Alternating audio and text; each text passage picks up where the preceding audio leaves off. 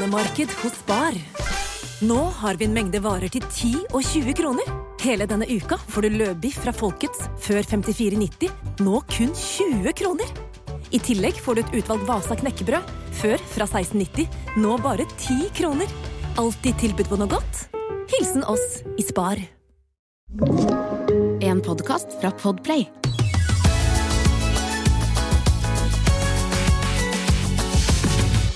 Er du med i Maskorama, Jenny? Er du med i Maskorama, eller, Mari? Nei.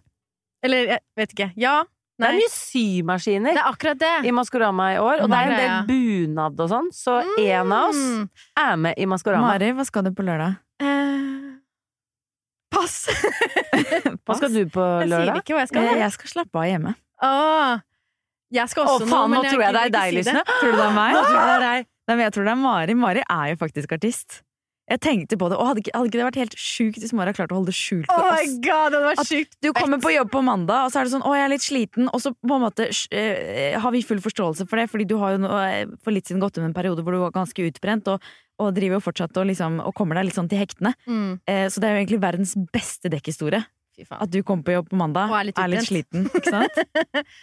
Og så har jeg egentlig bare vært med på Maskorama. Ja, forresten, velkommen til Fabpodden Fab-podden, her vi snakker om alt annet enn søm.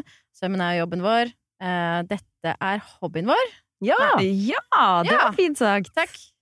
Men hvordan går det med dere gals? Lysnes? Jeg eh, syns det går bra, eh, bortsett fra at eh, sykkelstøtten min knakk i dag tidlig.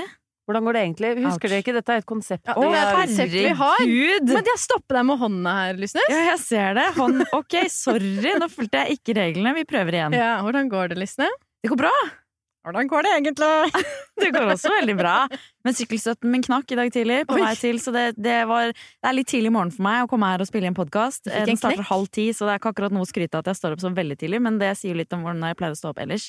Og så hadde sykkelstøtten knukket, så der eh, litt, eh, litt hardt der. Ja. Prøv å, å stille opp en sykkel med knokket sykkelstøtte. Men det som var flaks, var at når jeg kom hit i dag, så jeg Mari sin sykkel. Den er synlig på 200 meters avstand, for hun har en gigantisk sykkel med kjempefeite hjul. Og så har hun to pastellfargede kurver, én foran og én bak, hvor hun har altså én hund foran og én hund bak. De satt nå ikke i sykkelen hennes midt på Jernbanetorget her og venta, heldigvis. Det kunne vært litt farlig, tror jeg. Eh, Men hun hadde stilt sykkelen sin på tvers av sykkelstativet. Altså Sykkelstativet er jo formet sånn med, med liksom fine slåtter, der du liksom kjører forhjulet ditt pent inn, og så låser det fast. Mari har stilt seg på tvers og blokkerer for omtrent fem slåtter i Ja, fordi sykkelstativet. nå, det var veldig tomt i sykkelstativet i dag. Hva skjedde? Deres sykler var ikke der. Og den sykkelen er så stor. Det er en sånn liten sånn cargosykkel. Og den går ikke inn mellom racksa, og begge ytterkantene av stativet var tatt. Og så tenkte jeg sånn, nå begynner det å bli kaldt, for færre folk sykler. Jeg steller meg på tvers. Ja, jeg liker Men det det. som ikke gjorde det noe bedre, var at da jeg kom, og da mangler sykkelstøtte, for den har jo knukket, og jeg tenkte å shit, hvordan skal jeg liksom få til å låse den i disse vaklete racksene her uten at den bare faller og renner? Jeg tenkte Mari har stilt seg på tvers, fantastisk, med den solide sykkelen, så jeg stilte min ved siden av, også på tvers, låste sykkelen min fast i din. Så nå står det to klosser av noen sykler på tvers av sykkelstativet midt på Jernbanetorget. Vi får bare beklage til alle dere som Ursäkta. kommer på jobb, prøver å låse fast sykkelen, og at det dessverre ikke er plass. Ja, beklager. Men apropos at eh, din sykkel hadde en knekk i dag. Mm. Altså, jeg sykler rundt med løst for, forhjul. Og du gjør det, Ja, ja. Oi, så. Forhud, løs forhud sykler jeg rundt med, da. Wow. Så jeg har faktisk en, eh, en skiftenøkkel i lomma, som jeg liksom passer på at jeg liksom drar til hjulet litt, eh, litt i ny og ned. Men du sykla ikke i dag, Jenny. Hvordan går det egentlig med sykkelen din? Velkommen til denne sykkelpodden. Eh, nei, du, min punkterte i går, så nå i dag tok jeg buss, som var koselig, deilig. Sitte og høre på podkast og se på folk. Eh, så jeg koser meg egentlig veldig med det. Jeg Ja. gikk mye mer før, eh, Mm. før jeg fikk barn og ting måtte Ting, som jeg kaller dem. Måtte leveres og sånn. Da gikk jeg enormt mye, og jeg elsker å gå. Og jeg er jo en emosjonelt treig person, så jeg trenger tid til å prosessere hvordan jeg har det. Og da er for meg gåing helt egentlig essensielt for at jeg skal kunne svare på spørsmålet hvordan går det egentlig? Ikke sant. Så spør meg, Mari. Ja, men klarer, jeg, klarer du å svare på det? Altså, Det er mulig. Kjappen? Spør meg. da. Hvordan går det egentlig, Jenny? Jeg vet faktisk ikke helt. Jeg må gå litt, og så skal jeg finne ut av det. Ja. Men jeg har sånne minner fra mitt tidligere liv hvor jeg kunne gå mye, fordi jeg ikke hadde eh, no, noen ting som Jeg måtte bare, hentes. wow, har du blitt spirituell plutselig? Altså ditt tidligere liv snakker vi om Ja, incarnation! incarnation! Men da kan jeg liksom huske det der at jeg har fått sånne åpenbaringer mens jeg har gått, for da har liksom Eureka! Ja, og da hørte jeg ikke på ting heller, så jeg bare gikk og tenkte, og så plutselig kunne jeg stoppe og bare sånn ah! Så, så skjønner jeg Mm. Hva jeg føler, eller hva jeg skal. Mm. Så nå som jeg ikke har gått, og jeg har veldig lite tid til å tenke, så føler jeg meg litt som en sånn knute. En emosjonell knute, føler jeg meg som nå. Jeg er litt kvalm. Eh, vet ikke helt eh, hvor jeg er. Nei. Kvalm, Emosjonell trang, knute. Oi, Jeg er så litt interessant. Mm. Men jeg kan ikke si hva det er, fordi jeg har ikke skjønt hva det er ennå. Men jeg skal komme tilbake til det når jeg skjønner hvor, hva knuten så- er. Jeg Da tenker kan kanskje det var meant to be at den sykkelen din ble punktert, sånn at du kanskje får gått litt og løsna opp i knuta. Det høres sunt ut, faktisk. Mm, Rævknuta. I forrige episode så ranta jeg litt grann om fasongen på sko. Jeg har fått på hjernen nå at når man ser ned på skoene sine, så har de gjerne en veldig smal tupp. Som gjør at tærne blir most, og jeg syns jeg ser flere og flere om sommeren, særlig liksom voksne folk, eh, som etter hvert har fått veldig moste tær. Tærne liksom forsvinner nesten sånn innunder foten. Og vi foreslo at det kanskje kunne starte en bevegelse som heter Free the Feet. Eh, og altså påvirke folk til å designe sko så det faktisk var plass til tærne. Jeg vil bare si, Vi er ikke de eneste som har tenkt denne tanken, for nå har innboksen min altså eksplodert av folk som allerede er en slags medlemmer i denne bevegelsen allerede. Det er altså en free the feet-bevegelse. Jeg har fått en melding her eh, fra en som heter Maria, som sier jeg hadde akkurat den samme åpenbaringen for drøyt et år siden og følte at føttene mine begynte å endre litt fasong. Det endte faktisk med at jeg har begynt å bruke barfotsko for det meste av tiden. Syns det er litt flaut å si det og snakke om det med venner og familie fordi det ikke er så pent. Men altså, komforten, holdningen og pusten, alt blir bedre. Åh, Og flere sånne meldinger har jeg faktisk fått av folk som bruker barfotsko. Barfotsko, eh, det har jeg liksom tenkt er sko eh, med sånne tær. Ja, det har dere sett det? Ikke sant? Ja, ja. Sånn, sånn, ja. det er Sånn, artig, sånn artig sånn greie. med, skål, med såle med Ja. liksom tær ut. Eh, men det finnes eh, altså flere ulike merker nå som lager barfotsko eh, som ikke har sånne tær. Det ser ganske ut som vanlige sko. Eh, men greia er at de har supertynn såle, Mhm. og så er de ganske sånn brede og gode foran. Rett og slett for at liksom tærne skal kunne få utfolde seg ordentlig. da. Og så Mm. mener at, at, um, at de fleste sko i dag er jo bygget opp sånn at du har litt eh, høyere hæl på en måte på hælen.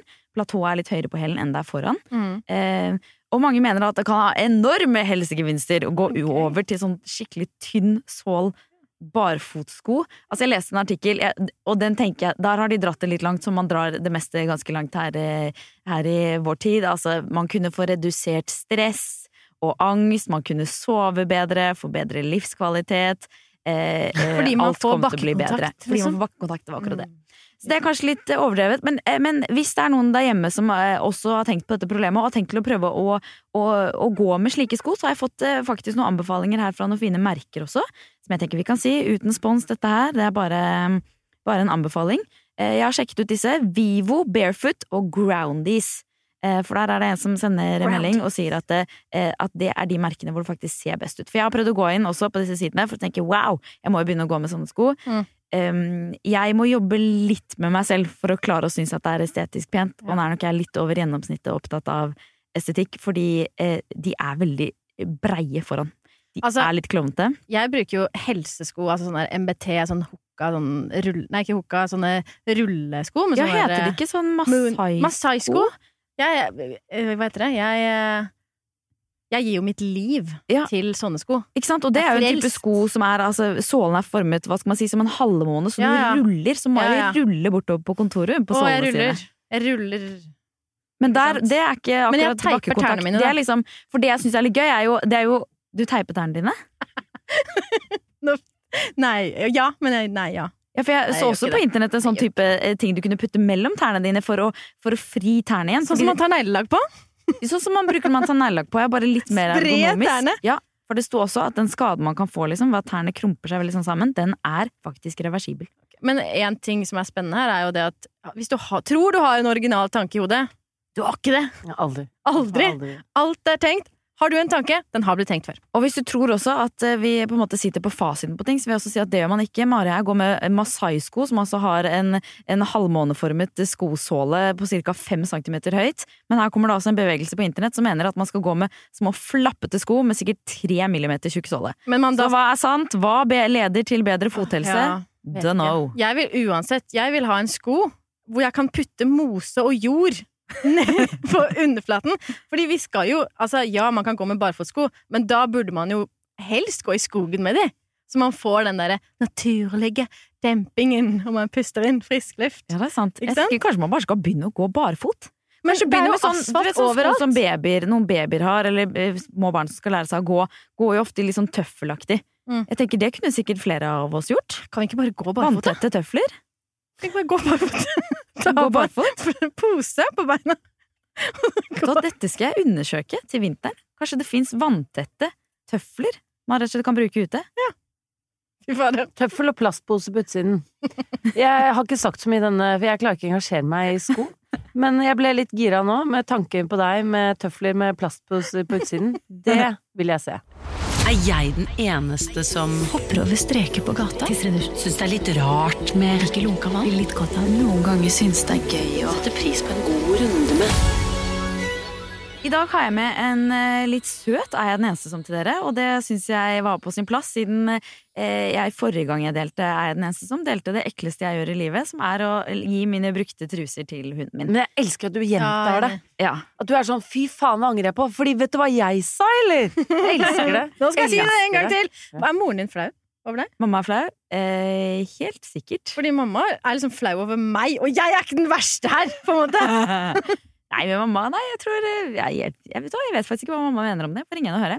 Men nå har jeg med en annen en, eh, som er en eh, kanskje litt sånn eh, selvterapeutisk, eh, er jeg den eneste som, som jeg gjør innimellom i perioder hvor jeg får litt dårlig selvtillit. For jeg vet ikke med dere, men, og dere der hjemme som hører på, men, eh, men jeg syns selvtilliten min ofte den, den går litt opp og ned. Noen perioder har fantastisk selvtillit.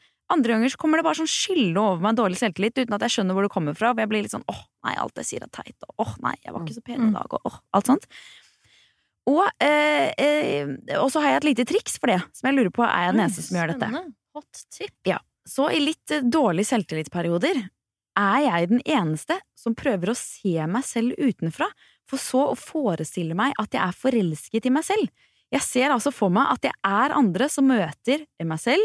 Jeg ser på klærne mine, jeg ser meg selv på sosiale medier som om jeg ikke var meg selv, og prøver altså å se hva jeg kunne blitt forelsket i Hvem er det? det er verdens altså, koseligste wow! ting. Jeg Det er skikkelig Wow. rett. Jeg digger den uh, God holdning. Ja, eh, jeg digger det å ta litt sånn avstand, og når man ser på seg selv som en fremmed, så ser man jo på en måte det, det ytterste, eh, på en måte, men det å også bare bli engasjert, ikke nødvendigvis i å tråkke langt inn i det dypeste, innerste, hvor man alle finner jo noe der som man på en måte ikke nødvendigvis umiddelbart tenker at dette ville jeg blitt forelsket i. Mhm. De innerste tanker og alt vi prøver å justere overfor omverdenen. Men å egentlig bare se på det man faktisk gir til omverdenen, som jo er en sum av hvem man er. mm. Det så ja, jeg, jeg gjør det ikke så bevisst som deg. Jeg kan ikke si sånn 'nå skal jeg se hva jeg ville blitt forelsket i'. Men jeg kan også være sånn 'hva fem faen er jeg', liksom? Hva driver jeg med, og føler meg sånn. Så kan jeg også ta en liten sånn scroll og tenke sånn 'ja, men hun var da jævla søt'! Helt som en, som en, som en tredjeperson. Altså Ja. sånn Fordi det er jo ikke meg helt, ikke sant? Nei, ikke sant? Og det er jo litt sånn som denne ekkoboken vi alle leser og hører på. Hvis Mm. du vil der hjemme vil høre eller lese den, så er det et, eh, et essay om algoritmer og begjær. Og det der at vi lager en forestilling om oss selv og putter den ut der på sosiale medier. Og Det finnes en meg, og så finnes det en idé om så meg. finnes det en idé om meg. Sitat slutt, Så jeg kan kose meg litt med ideen om meg Mm. fremfor meg, fordi jeg er jo det er, jeg, jeg blir lettere forelsket i ideen om meg enn meg. Enn meg selv, ja. Hva med deg, Mari? Åh, nei, jeg, jeg vil jo nesten tenke at hvis, hvis jeg begynner sånn, da liker jeg i hvert fall ikke meg selv! Nei! Neida. Jeg, eh, jeg kan også gjøre det, og være sånn Fuck, hva, hva er det jeg driver med? Men hva Men- er det jeg driver med for, for, sånn Ja, på en fin måte, liksom? Eller? Ja, eller være kritisk, og liksom ha perioder hvor jeg ikke synes at jeg er helt topp. Ja. Men eh, Jeg tror jeg heller bare tenker Istedenfor å det er en veldig fin måte å, å gjøre det på, men jeg tror jeg heller bare tenker sånn Mari, stop it. Stop it. Ja, men det er veldig lett å tenke. Og kanskje er det litt overfladisk å sitte og se på bilder av seg selv og prøve å bli forelsket i seg selv. Men, men, Nei, men, jeg, jeg tror liksom veldig ofte at jeg liker jo andre folk, og syns andre folk er mye mer sjarmerende enn meg Mm. selv. Og da tenker jeg jo at hvis jeg tenker helt sånn fornuftsmessig, så er, går jo det antageligvis andre veien for veldig mange også. Ja, ja. Man har veldig mye lettere for å bli sjarmert av andre enn man har for å bli Ja, ja. av seg selv. Og da tenker jeg, da må du, Det må jo være noe ved meg som gjør at folk blir sjarmert, og bare Mm. prøve å liksom finne det, da. Ja, jeg, jeg tenker sånn ehm, Jeg har ikke gjort akkurat denne taktikken før, men den skal jeg begynne med. Ja. Så jeg sier nei, det, det, du er Nei, hvordan blir det? Skal vi se. Nei, du er den eneste Du, som ja, du er den eneste som Skal du si. Ja, du er den eneste som Men spør meg neste uke. Da er vi enige. Jeg sier nei, du er ikke den eneste som Men jeg tenker at uh, uansett så kan jo dette potensielt være litt å pisse i buksa, for du, du har liksom dårlig følelse, og så bare ser du på din egen overflate, og så gir det deg liksom en litt sånn comfort i eh, Men- Kanskje ikke en dypere trøst, men det kom, du får deg gjennom dagen og tenker gjennom. sånn eh, Men jeg tror liksom at grunninnstillingen det å faktisk se på sine beste sider og tenke sånn pytt-pytt med alt det andre. Ja. Eh, fordi noen er jo litt sånn motsatt, som kan være sånn fy faen, jeg er en møkkakjerring, nå skal jeg grave dypere inn i hvor Mm. jævlig jeg er. Altså så, så mater de tanken om at de ikke liker seg selv, på en måte, istedenfor å faktisk oppsøke eh, de positive tingene ved seg selv, og tvinge seg selv til å se det positive, da, på en måte. Så jeg tenker jo at det er en, en sunn og fin ting, og jeg syns man skal være litt sånn Jeg syns man skal være sin største fan. Ja, ja. Ikke sånn utelukkende, og da mener jeg også sin største fan i forhold til at man skal være raus med sine egne feil. Jeg tenker ikke at jeg ser ikke på meg selv som sånn du er ufeilbarlig og liksom for et fantastisk menneske. Ikke i det hele tatt. Jeg syns jeg har masse feil og mangler, men jeg tenker også sånn Men er ikke det litt koselig, da? Ja. Gir ikke det deg litt karakter? Og jeg kan tenke sånn Dybde. jeg kan tenke sånn, når jeg skal feire 60-årsdagen min, da, Mm. og man har hatt venner og barn og liksom familie i lang, lang tid, så vil jo ikke jeg at folk skal si sånn Du er jo et fantast... Ikke sant? Du er ufeilbarlig. Jeg vil jo høre Skal roastes. Jeg skal høre hvor, hvor ræva jeg kan være òg! Ja. Det er jo liksom Det er jo det som er å være menneske, da. Det er mye morsommere, og det er det som er ekte kjærlighet, føler jeg. liksom Når man Ja. bare er sånn åh, skikkelig glad i vennene sine. Når jeg blir skikkelig glad i dere, så er det liksom Ja. så blir sånn åh, Jenny, da er jo litt irriterende også- sånn, liksom. Og så får jeg sånn ekstra kjærlighet liksom, Ja. for det. på en måte. Men kan dere liksom roaste dere selv også med kjærlighet? På en måte? Jeg tror det som er det motsatte av det du sier, da, Ingrid. Mm. At du ikke bare tar og ser på de nydeligste bildene dine og prøver å bli forelsket i seg, men du også finner det stygge, men at du ikke bebreider deg selv, men du er sånn Faen, for en artig liten type som styrer med det, liksom. Men er det ikke det man Ja. har kjærester til? Jo, din, tydeligvis. Akkurat fått seg kjæreste, er ikke det ja, Men kan dere liksom roaste dere selv med kjærlighet? Eh, ja, det tror jeg kanskje jeg må trene meg litt bedre på, men jeg kan vel kanskje det Jo, på sånne ting må komme, komme for sent. Der har jeg begynt å roaste meg selv med kjærlighet. Jeg er Det kronisk eh, forsinket. Jeg har alltid vært for sen hele livet til alt. Jeg klarer pina meg aldri å komme tidsnok til noe som helst. Jeg er veldig aldri tidlig ute, alltid, alltid for sent ute. Mm. Og så tror jeg bare på et tidspunkt jeg så jeg er så lei av å være sur på meg selv og beklage, og Mm. for at jeg er for sen igjen, liksom. At jeg bare begynte sånn, vet du hva, jeg er for sen, og jeg skal ikke gi opp. Men eh, jeg får bare omfavne det med kjærlighet. Sorry, Ja. det er bare meg, og jeg får bare håpe at de folkene jeg møter etter hvert eh, klarer å omfavne det med kjærlighet, de òg. Ja. Jeg kan også si til meg selv sånn din lille dritt, med litt sånn glimt i øyet, sånn fy faen, du er akkurat Du er så dobbeltmoralsk på dette. Altså at jeg kan din lille, din lille jævel. Men med en litt sånn Litt sånn derre Ja. Ja, men det er At det er gøy! ikke en sånn fy faen, du har ikke vært en dritt, men det er sånn fy faen, Jenny, nå dreit du rett. Ja. Jeg kan også være litt sånn Mari, dette gjør du ikke igjen. nå, nå har du gjort Ja. dette. Nå har du evaluert det. Nå er det ikke Ja. vits å tenke på det mer. Neste gang gjør du ikke dette. Nå, Jenny, nå tar du deg sammen. Ja. Og det er forskjell på å si sånn Jenny, nå tar du deg sammen. Si sånn Jenny, nå tar du deg sammen. Med litt sånn Med litt sånn Ja, glimt. Du er tilgitt, men vi prøver å skjerpe oss, Vi liksom. prøver å skjerpe oss. Ja. Ja. men det er litt hyggelig. Og så bruker ofte navnet mitt i tredjeperson. Ja, ja. Men da er det mer sånn hvis jeg har gjort noe helt dust og liksom bare for tredje gang har glemt å ta med et eller annet, så er jeg sånn nei, Ingrid Vik Lysne, nå holder det. For det er et eller annet med, det er, annet med, det er- noe litt mer kjærlighet i det når man ser seg selv i tredjeperson. Fordi Ja. Sikkert noe med at det er litt lettere å like andre enn å like seg Mm. selv. At når man da snakker om seg selv i tredjeperson, så er det litt lettere å tilgi seg selv. på en måte. Ja, ja. Mm. Noe jeg har sagt ganske mye. Når jeg kan sitte, sånn som sitte på bussen, da, så får jeg en eller annen tanke, og jeg syns jo det er gøy å se for meg folk i seksuelle sånn. Og veldig ofte har jeg sagt til meg selv sånn Nei, Jenny, din gris. Jenny. Ja! Det sier Jeg pleier å riste på hodet i tillegg. Sånn, nei, Nei, ja. Grisejente. Nei, Nei. Nei. Slutt! Nei, han var for ung. Nei! Wow, wow.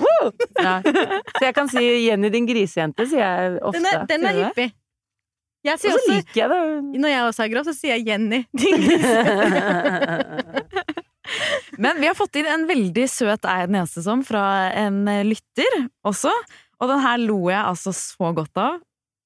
Hør nå. Her er det en som sier Jeg er ca. 1,70 cm høy og føler at samfunnet er tilpasset til den høyden når det kommer til blant annet kjøkkenbenker, handlevogner, butikkhyller osv.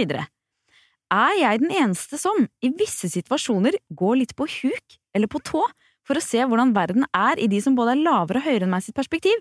Eksempel jeg går litt på huk, kanskje 15 cm, for å se om jeg rekker opp til det jeg skal ha langt opp på hylla i butikken, som jeg vanligvis hadde nådd tak i uten problem. Altså, det er min høyde. Litt i nå, for så vidt. 1,70 minus 15 cm. Ja, kan- da begynner hun å nærme seg Mari og meg. Ok, Er hun den eneste som? Ja, fra, fra meg så er hun den eneste. Men det, men det, skal, jeg- det er litt det samme. Jeg skal faen meg begynne med det.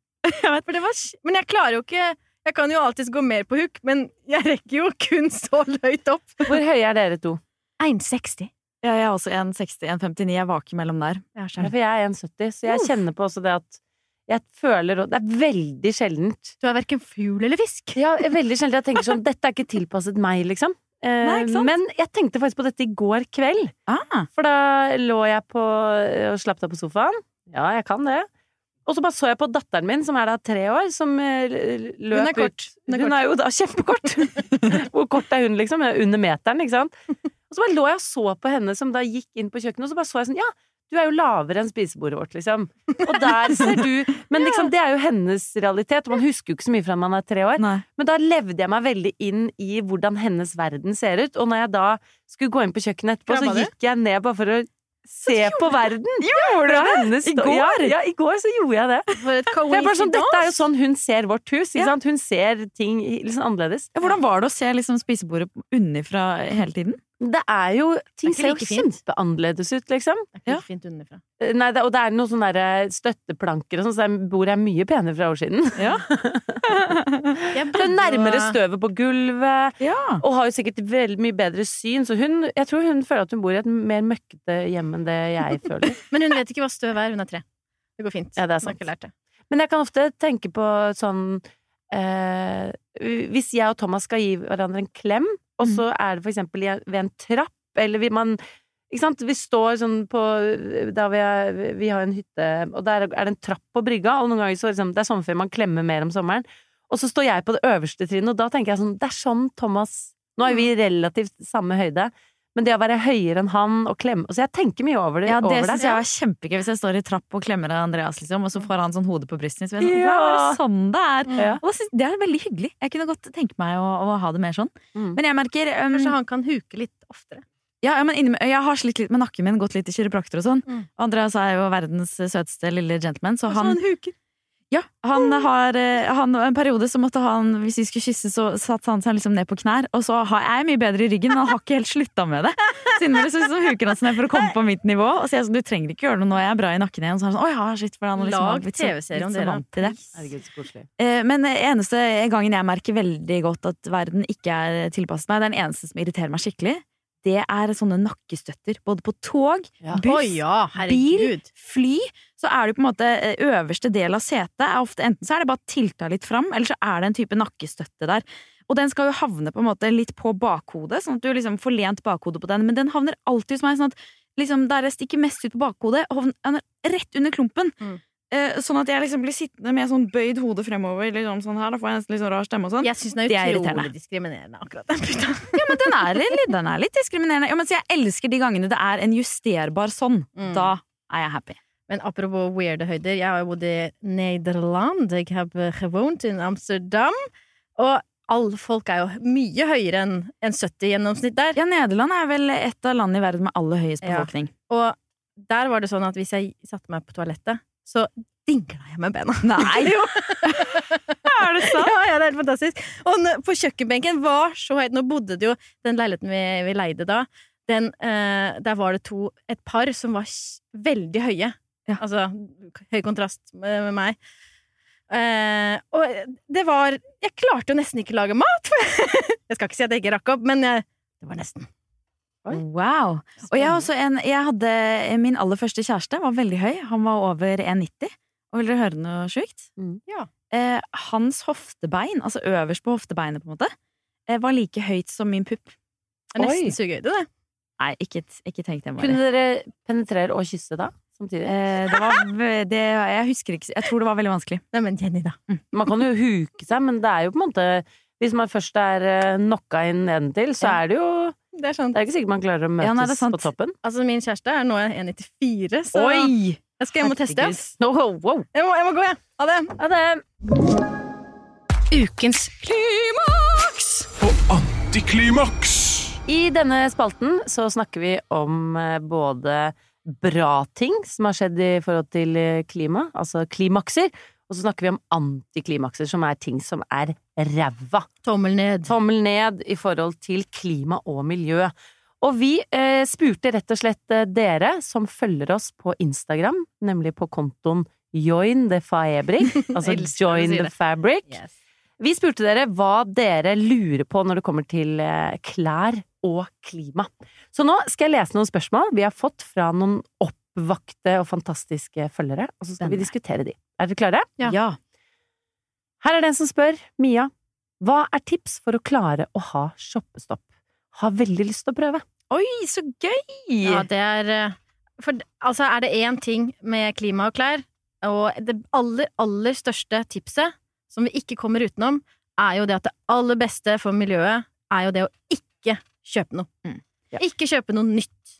Jeg eh, bestemte meg for å ha shoppestopp for eh, noen år siden, eh, og da syns jeg jeg fant en løsning på det som i hvert fall i min hjerne resonnerte veldig og gjorde det mye enklere. da, var at Istedenfor å kalle det shoppestopp, så vrei jeg litt om på det, og så kalte jeg det ikke noe nytt. Mm. Som egentlig da gikk ut på at jeg ikke skulle kjøpe noen nye ting. Brukte ting var lov. Og så ga jeg meg selv noen unntak, for det er veldig vanskelig å liksom skulle klare det helt. Så jeg ga vel meg selv ti unntak, tror jeg det var i løpet av året, på nye ting jeg kunne kjøpe. Forbruksvarer er jo greit, det er man nesten nødt til å kjøpe nytt, men det kunne være liksom Hvis jeg trengte en eh, eh, for eksempel nye vintersko, og det var helt umulig å klare å finne det brukt, da. Dette er noen år siden, det var før det var liksom veldig lett å kjøpe brukt på internett og sånn. Eh, Og det for meg rett og slett gjorde det veldig mye enklere, for da ble jeg mer sånn fokusert på sånn eh, Hvordan kan det være gøy å kjøpe dette brukt? For det ble liksom ikke noe sånn at jeg ikke skulle kose meg med å shoppe i det hele tatt, for jeg kunne det, bare at jeg skulle kjøpe brukt isteden. Mm. Så det var en sånn åpenbaring, syns jeg, som gjorde det veldig mye enklere, da. Mm.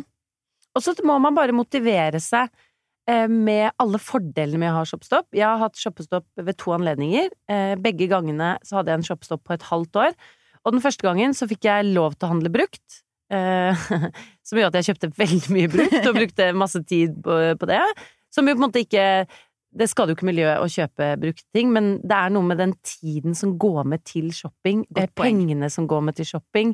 Når du først finner én ting, så føler du at du kanskje mangler skoene eller toppen til, ikke sant? Så det blir en sånn evig shoppinghjul. Og så bidrar du til den rusen du ønsker deg også ved, Ja, Og den, med shopping. ja, og den bid... Vi har jo alle behov for den rusen, kanskje det er derfor vi også har startet Fabrik, for vi har lyst til å kunne uttrykke oss med klær, lage nye klær, spe på garderoben vår, men ha eh, god samvittighet, da. Vi rusmisbrukere? Litt, litt, litt, litt. Mm. Ikke sant.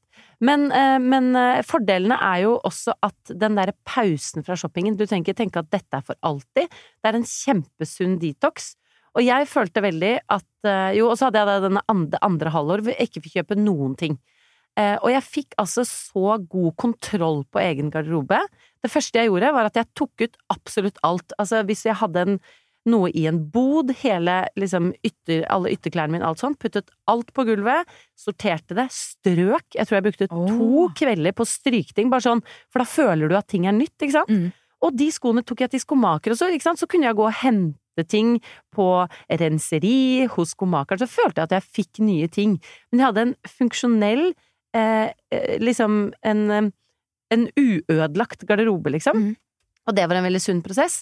Og så følte jeg også at det, fordi jeg ikke bidro til på en måte en eh, industri som er en klimaversting, og en etisk versting når man ser på arbeidsforhold. Mm. Bare nå har det kommet frem at arbeiderne for Skien tjener Tre pence. tre pence per plagg. Det er jævlig lite. Men jeg bare følte at fordi jeg hadde ganske god samvittighet, jeg bidro ikke til den industrien, så leste jeg mye mer saker, ikke sant, for du får ikke dårlig samvittighet av å lese en sak om eh, arbeidsforholdene på Skien-fabrikken, Mm. eh, på en måte. Og så kanskje føler du den der rusen kommer mer i at du, i at du liksom nesten setter deg litt over den du var tidligere. En Sånn, annen type rus, Ja, som er kanskje er enda sånn. bedre og litt mer langvarig. Ja. Men så jeg så masse dokumentarer, jeg virkelig sånn oppsøkte informasjon, fordi jeg kunne se det med god samvittighet, og Mm. da ser du det med litt klarere blikk. Og jeg kunne jo ikke fjerne den informasjonen fra hjernen min etter en shopstopp. Så jeg føler at jeg gikk inn i den, eh, fikk masse kunnskap, gikk ut av den, kunne ikke fjerne kunnskapen, var en sunnere Det er akkurat sånn som meg, for jeg, jeg begynte da med Ikke noe nytt for en del eh, år siden, eh, og jeg har aldri kommet ut. det har egentlig bare fortsatt og fortsatt. Men jeg syns også det har hjulpet å, eh, å ikke være på noe kjøpesenter. Ja. For da jeg eh, skulle slutte å kjøpe nye ting, så sluttet jeg å gå på kjøpesenter. Jeg sluttet egentlig å gå inn i butikker i det hele tatt. Og bare det slipper liksom litt på fristelsen der. Og så har du jo selvfølgelig internett og sosiale medier. Jeg kan foreslå da ta på adblock. På Instagram også, så er det mulig faktisk å fins det? Adblock, ja, det finnes. Jeg tror ikke jeg har det på fordi det er noe med noen cookies og noen greier som ikke funker da, men jeg tror du kan ha på adblock, ja, så du får opp mye mindre reklame. Ok, Og slutt, å følge, slutt å følge influensere som pusher masse nye klær, hvis du har et mål om å handle mindre klær. Ja. Mm. Jeg pleier å se for meg, eller lukte for meg, da. Fordi jeg syns eh, polyester lukter eh, fotballdrakt. For det er ofte, fotballdrakter er ofte laget av polyester, og jeg har spilt fotball i mange år da jeg var a young girl. Eh, og den lukten, den syns jeg eh, sitter i fast fashion-butikker. Så når jeg går inn på en fast fashion-butikk, så, så lukter det sånn fotballdrakt som har blitt ned... Eh, hva heter det for noe? Arvet. Sausa. Nedsausa, nedsvetta. I, eh, I hvert fall én generasjon, da. Mm. Før det ble liksom ny. Men jeg, ja, jeg ser for meg den lukten. Lukter for meg den lukten. Mm. Blir kvalm. Vil ikke gå og shoppe. Men det er også digg, sånn som du sier, Ingrid, at man unngår eh, kjøpesentre, kanskje unngår butikker. Jeg har virkelig vært ganske sånn avhengig av å shoppe, og jeg føler Mm. at før Jeg liksom Jeg visste alltid hva de hadde på liksom HM Trend eh, noen år, Mm. for mange år siden. Jeg var helt sånn Jeg hadde den rusen, og den er veldig sånn avhengighetsskapende. Mm.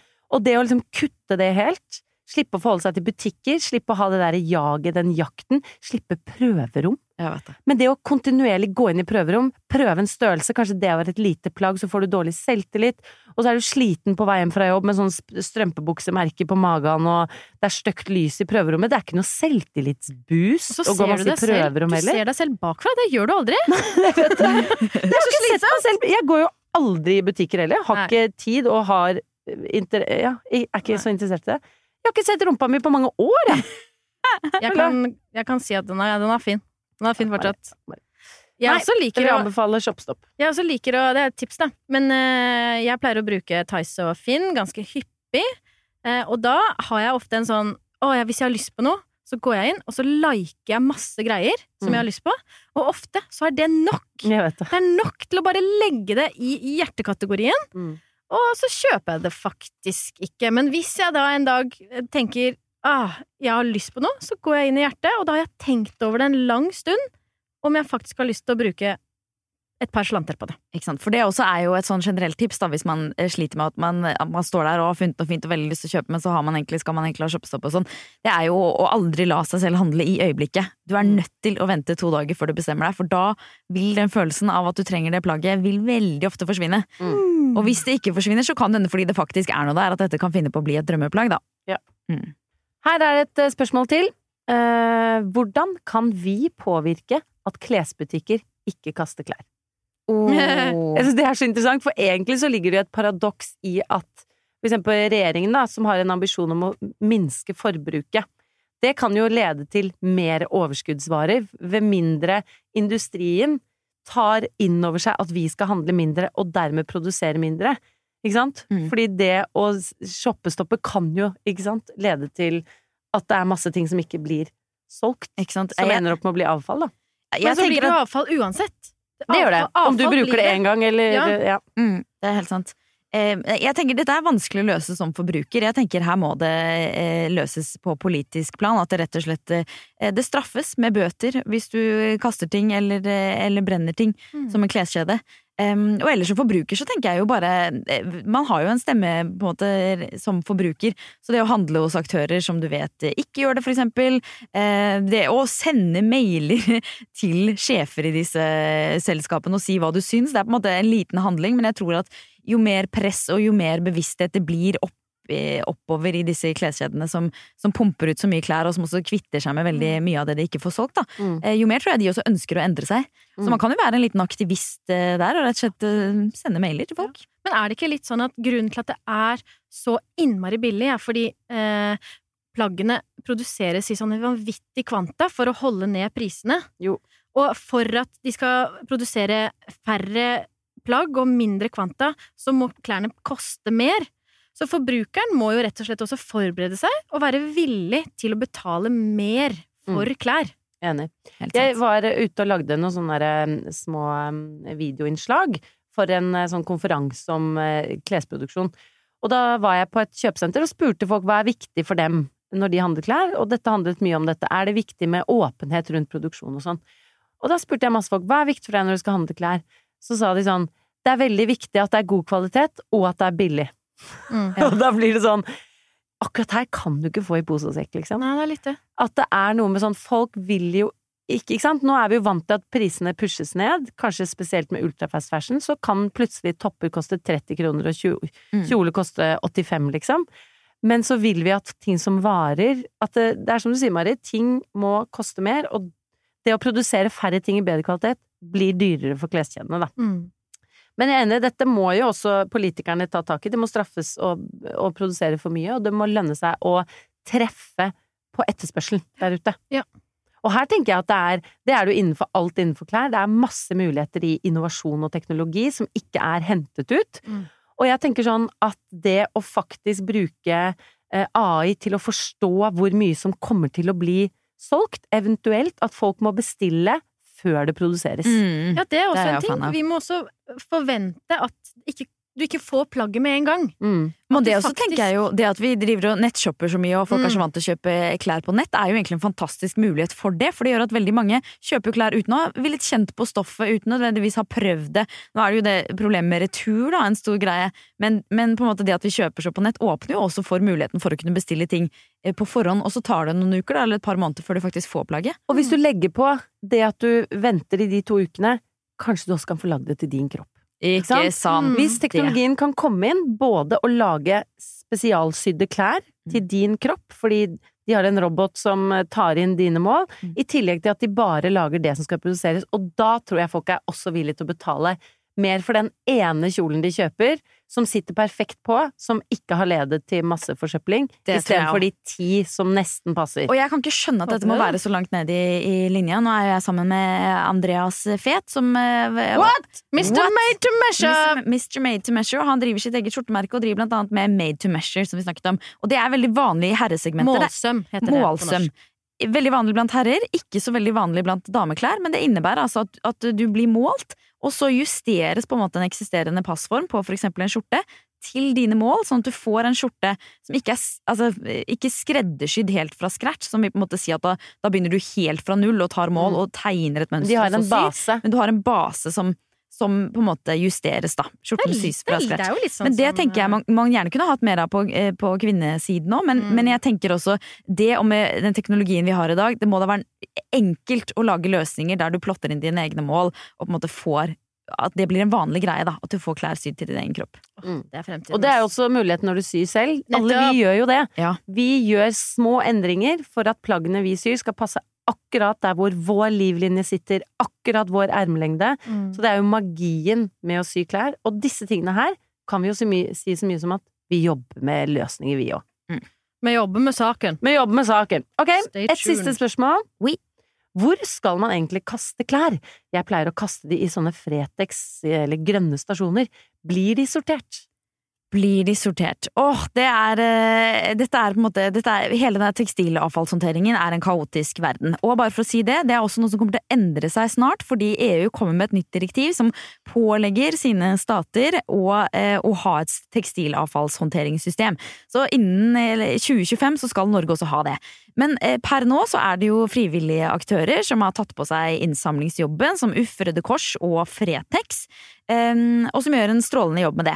Eh, og eh, altså Det kommer litt an på hva hun mener med å kaste klær. fordi helt, eh, helt brukende fine klær som andre kan bruke, som man skal kvitte seg med, det kan man gi til både Fretex og Uff og Røde Kors i bokser som, man, som er plassert eh, rundt omkring. Um, og så er det eh, sånn at hvis de boksene står på kommunal grunn, så plikter de faktisk å ta imot også ødelagte tekstiler, som ødelagte sokker, stoffrester, kluter, eh, den type ting. Men hvis de står på privat grunn, så plikter de ikke å gjøre det. Mm. Og det som er nå ikke så veldig lett kommunisert, eh, syns jeg, ute der når man ser disse boksene, i hvert fall i Oslos gater, eh, det er på en måte forskjellen på dem. Men det er visst sånn nå at Fretex har tidligere stått på kommunal grunn, pliktet å ta imot alt dette.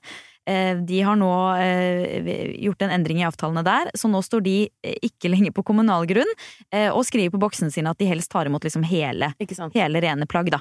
Mens Uff og Røde Kors de plikter faktisk å ta imot ødelagte tekstiler. Men jeg må bare merke, si en ting der. Da blir jeg, den posen, ikke sant? ja, da bør man også merke den posen med tekstilavfall. Eh, og så eh, Men jeg syns også det er litt interessant. Skulle gjerne tenke meg å snakke med litt med UFO Ja. og Røde Kors og sånn om hvordan det håndteres. For veldig eh, vel, altså, De aller aller fleste tekstiler, i hvert fall som kommer inn til Fretex, det er mest der eh, de har snakket med din, de eh, skippes direkte til utlandet. Det er et sted, jeg lurer på om det er 95% 96% i hvert fall der omkring, eh, som skippes direkte til utlandet. Og da selges det til andre gjenbruksaktører, veldig mye i Øst-Europa. Der eh, selges det antageligvis til andre bruktbutikker og sånn, hvor man prøver å selge det til second hand-marked. Og så sitter man igjen der også med en bunch med klær som ikke blir solgt, som da selges videre, selges videre, selges videre, og veldig mye ender til slutt da som eh, forbrenning. Så det forbrennes. Mm. Eller på en søppelfylling i Chile.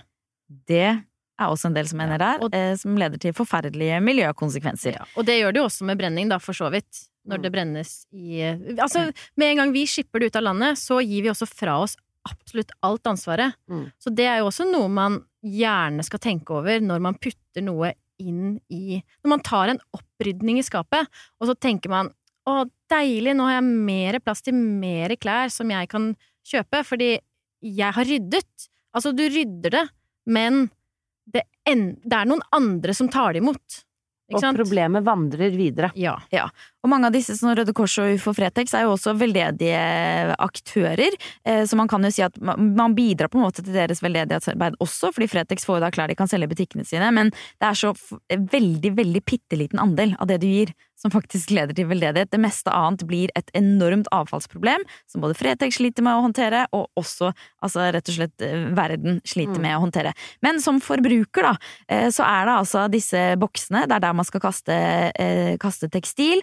Hvis man kaster det i restavfallet, eh, så viser det seg at, eh, at de store maskinene som håndterer restavfall på eh, søppelmottakene, det eneste de virkelig ikke er glad i, er tekstil. Mm. Så det er visst et stort problem ja, at tekstiler setter seg fast i maskinene. De må stanse, stanse anleggene og så fiske ut tekstiler. Så ikke kast i restavfallet. Mm.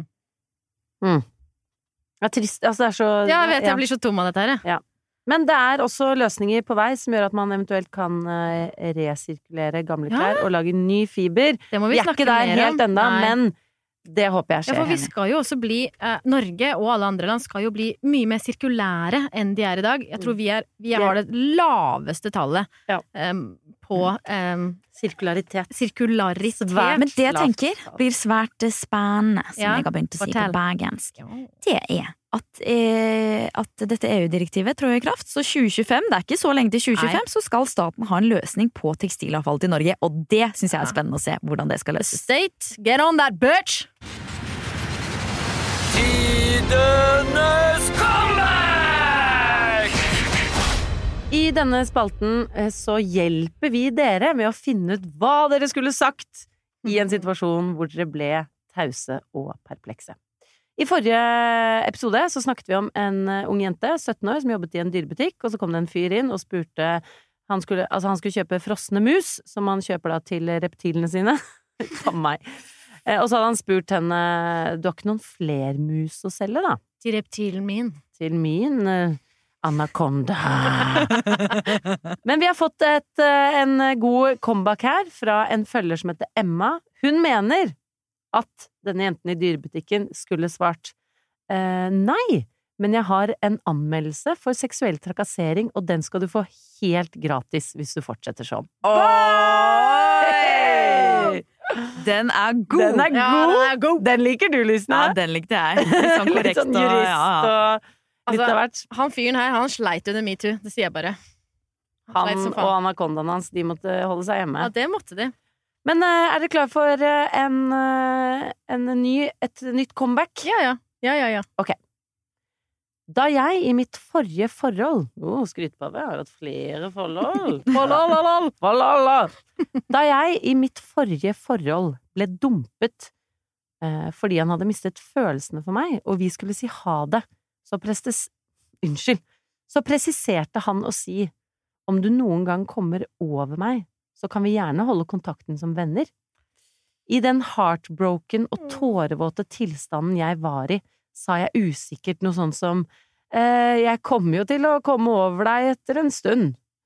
Men kunne jeg sagt noe bedre som hadde fått han til å føle seg litt dum, og som hadde fått meg til å føle meg litt mer verdt? Åh, Åh. åh. Det er kjip situasjon. Uh, jeg tror jeg hadde sagt sånn Oi, shit. uh, vent, da, jeg skal bare sette på timeren. Og så setter du på sånn 20 sekunder. Ja. Så bare står du der og venter litt sånn i stillhet, men han liksom gråter litt, og så Der var jeg over deg! Der var jeg over deg. Jeg bare så for meg deg snakke. Ja. Ferdig. Jeg bare så for meg trynet ditt. Ja. Jeg bare så på trynet ditt, ja. Så kom jeg over deg. Og der var jeg over. Der var jeg over. der.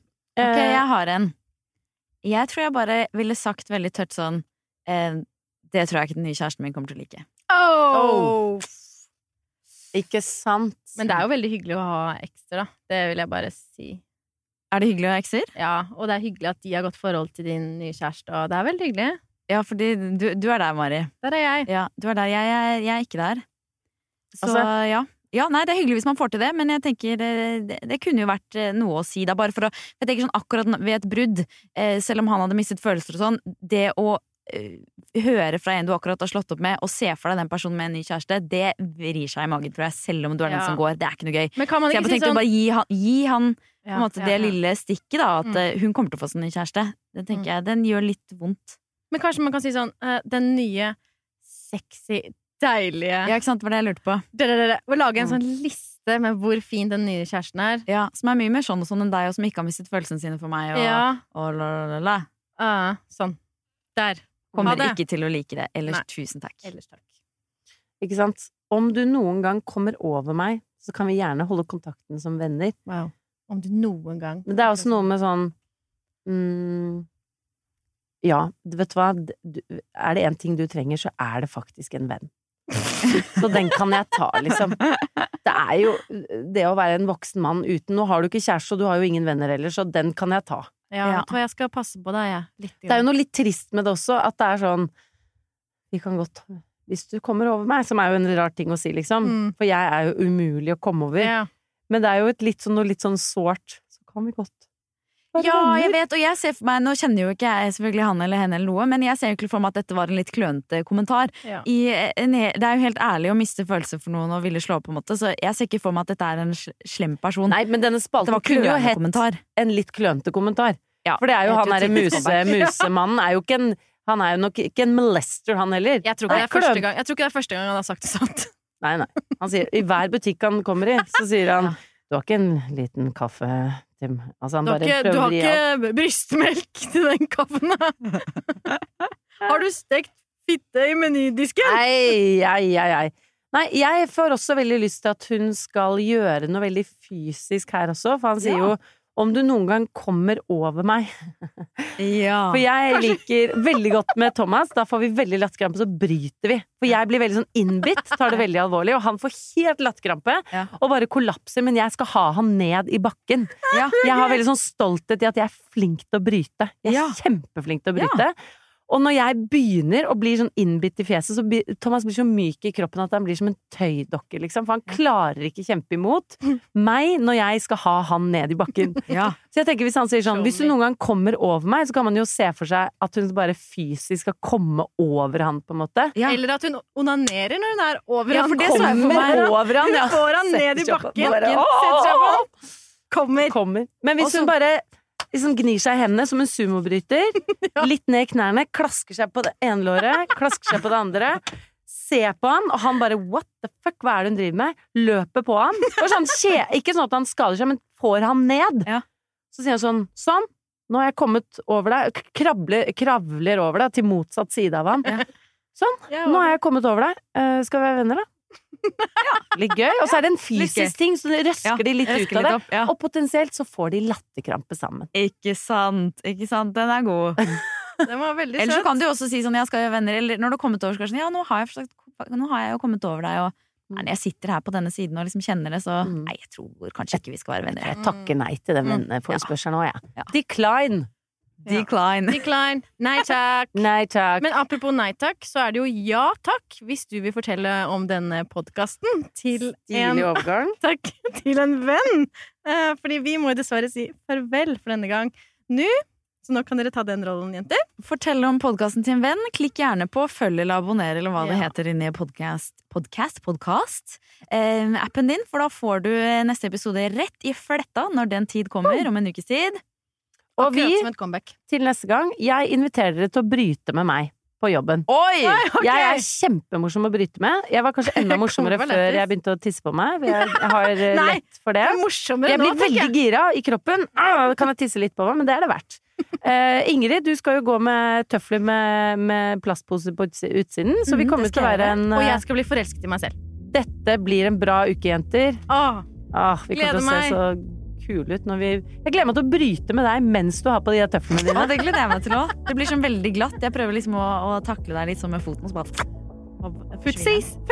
Footsies! Nei, men dere, det var eh, hyggelig å henge med dere. Ja, takk for nå. Vi ses på jobben, og vi andre, vi ses Vi på hørs. Vi hørs. Neste uke. Og send oss melding på Join the Fabric hvis du har en, er eneste sånn. Eller Eller. Kidness. Comeback. Hei da! Hei.